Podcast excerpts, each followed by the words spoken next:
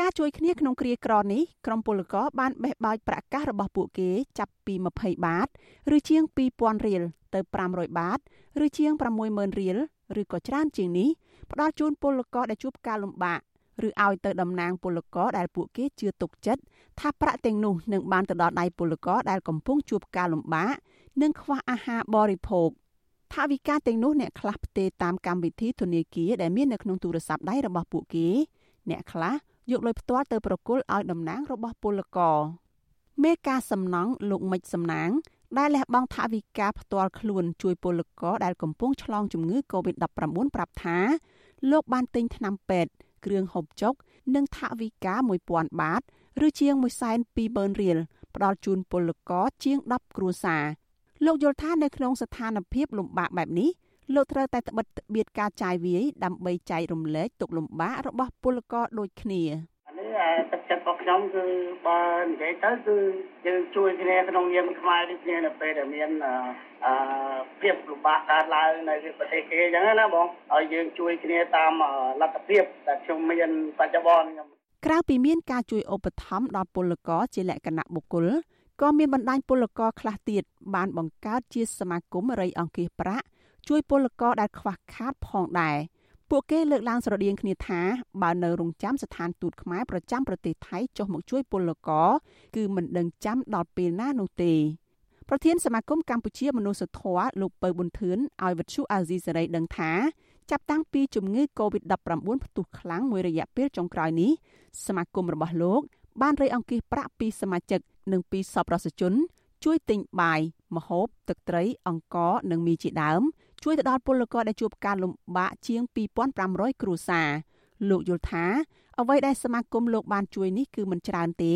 ប៉ុន្តែលោកយល់ថានេះគឺជាអ្វីដែលលោកនិងក្រុមការងាររបស់លោកអាចជួយបាន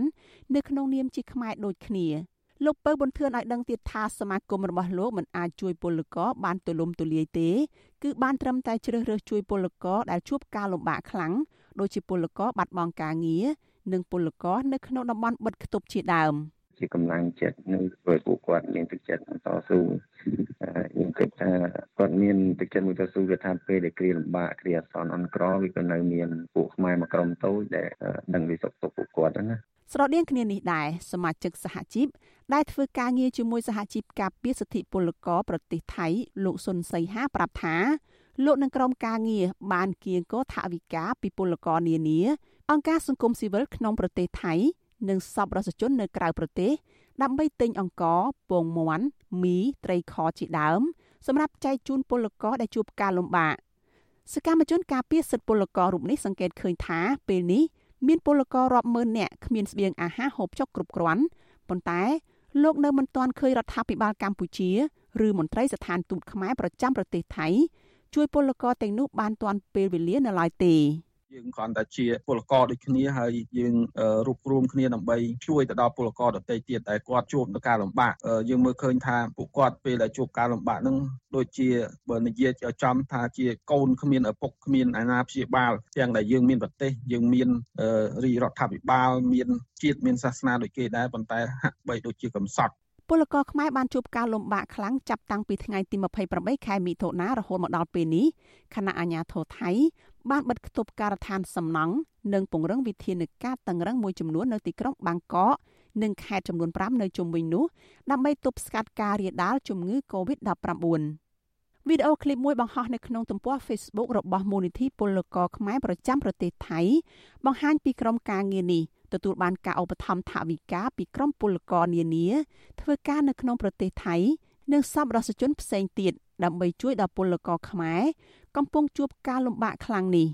ក្រុមពលករខ្មែរដែលកំពុងស្ថិតនៅក្នុងតំបន់បិទគប់ដែលទទួលបានប្រាក់ឧបត្ថម្ភពីការបរិច្ចាគរបស់ក្រុមពលកររៀបរាប់ថាប្រាក់នេះអាចជួយឲ្យពួកគាត់មានលទ្ធភាពទិញថ្នាំលេបអូនអើយអូន បានលុយមូលនិធិមកនេះទិញឆ្នាំទិញអីលេបឯងក៏អូកន្លោគេកាក់ខ្លួនកាក់អីឯងពីគុំខ្លួនទុកឥឡូវបានទិញក្រៅទេបានលុយមូលនិធិបានជួយខ្ញុំសូមថ្លែងអំណរអរគុណច្រើនដែលបានលុយកាក់នេះបានទុកទិញឆ្នាំលេបជួយអរគុណច្រើនឥឡូវវាឃុំខ្លួនទុកហើយទុកគាត់ឈឺអត់បានបាយហូបទេនេះហូបអត់បាយអត់បានទេ5មួយថ្ងៃទេនៅឈឺនៅគេឃុំខ្លួនទុកអីផ្សេង នឹងកំបីទេម៉ាទេអូនអើយអូនអរគុណអរគុណច្រើនច្រើនណាអូនណាសូមទុកស្វាយទាំងអស់គ្នាវិទ្យុអាស៊ីសេរីមិនអាចតាក់ទងមន្ត្រីស្ថានទូតខ្មែរប្រចាំនៅប្រទេសថៃដើម្បីសុំការអធិប្បាយជុំវិញរឿងនេះបានទេ នៅថ្ងៃទី8ខែកក្កដាតែទោះជាយ៉ាងណាស្ថានទូតខ្មែរប្រចាំទីក្រុងបាងកកបានបង្ហោះសារតាមបណ្ដាញសង្គម Facebook របស់ខ្លួន កាលពីថ្ងៃទី6ខែកក្កដាថា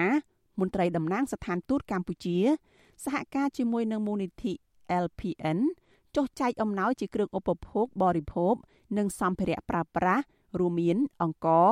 មីត្រីខប្រេងឆាត្រីងៀតអំបិលប្រហុក និងម៉ាស់ទៅដល់ពលករខ្មែរចំនួន70គ្រួសារធ្វើការនៅក្រុមហ៊ុនកែច្នៃគ្រឿងសង្ហារឹមនៅក្នុងខេត្តឆៈជើងសៅដែលកំពុងជួបការលំបាកខ្លាំងដោយសារតែការរាតត្បាតជំងឺ Covid-19 ទោះជាបែបនេះ សកម្មជនការពារសិទ្ធិពលករលោកសុនសីហារិះគន់ថាក្រុមការងារស្ថានទូតចែកអំណោយខុសគោលដៅលោកថាពេលនេះពលករដែលជួបការលំបាកខ្លាំងគឺពលករដែលកំពុងស្ថិតនៅក្នុងតំបន់បិទគប់តាមការដ្ឋានសំណង់មិនមែនជាពលករដែលមានការងារធ្វើនោះទេលោកបន្តទៀតថាការចែកអំណោយនោះទៀតសោតមន្ត្រីស្ថានទូតឬរដ្ឋាភិបាលកម្ពុជាគួរបញ្ចេញថវិការបស់រដ្ឋឬថវិកាកាកបាទក្រហមកម្ពុជា ទើបអាចជួយពលរដ្ឋបានគ្រប់គ្រាន់ជួយជួយយកតែមុខមាត់បន្តិចបន្តួចហើយក្នុងលំដាប់ថ្នាក់ស្ថានទូតដែលជាស្ថាប័នមួយដែលជាផ្នែកជាមុខរបស់រដ្ឋាភិបាលហើយជាម៉ែជាឪរបស់ប្រជាពលរដ្ឋខ្លួនហ្នឹងវាគួរតែមានផែនការកម្រោងឲ្យធំជាងហ្នឹងមិនមែនទៅចែកមួយថ្ងៃ70នាក់អីក្នុងរោងចក្រហើយរីឯមន្ត្រីអង្គការសង្ត្រាល់ទទួលបន្ទុកផ្នែកពលករលោកឌីថេហូយ៉ាមានប្រសាសន៍ថាពលករខ្មែរនៅប្រទេសថៃដល់កម្រិតអាសន្នខ្លាំងដោយរដ្ឋាភិបាលកម្ពុជា គួរតែជួយសង្គ្រោះអាយុជីវិតរបស់ពួកគេជាបន្ទាន់គិតត្រឹមថ្ងៃទី7ខែកក្កដាអាជ្ញាធរថៃ និងស្ថានទូតកម្ពុជាប្រចាំប្រទេសនេះមិនទាន់បង្ហាញតួលេខនៃពលករខ្មែរដែលកំពុងជួបការលំបាកឬពលករខ្មែរឆ្លងជំងឺ Covid-19 នោះនៅឡើយទេប៉ុន្តែមន្ត្រីសង្គមស៊ីវិលនិងតំណាងពលករ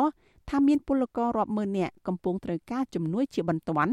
ក្នុងចំណោមពលករធ្វើការនៅប្រទេសនេះប្រមាណ2លាននាក់ នាងខ្ញុំសុជីវី With you Azizi Serai រាយការណ៍ពីរដ្ឋធានី Washington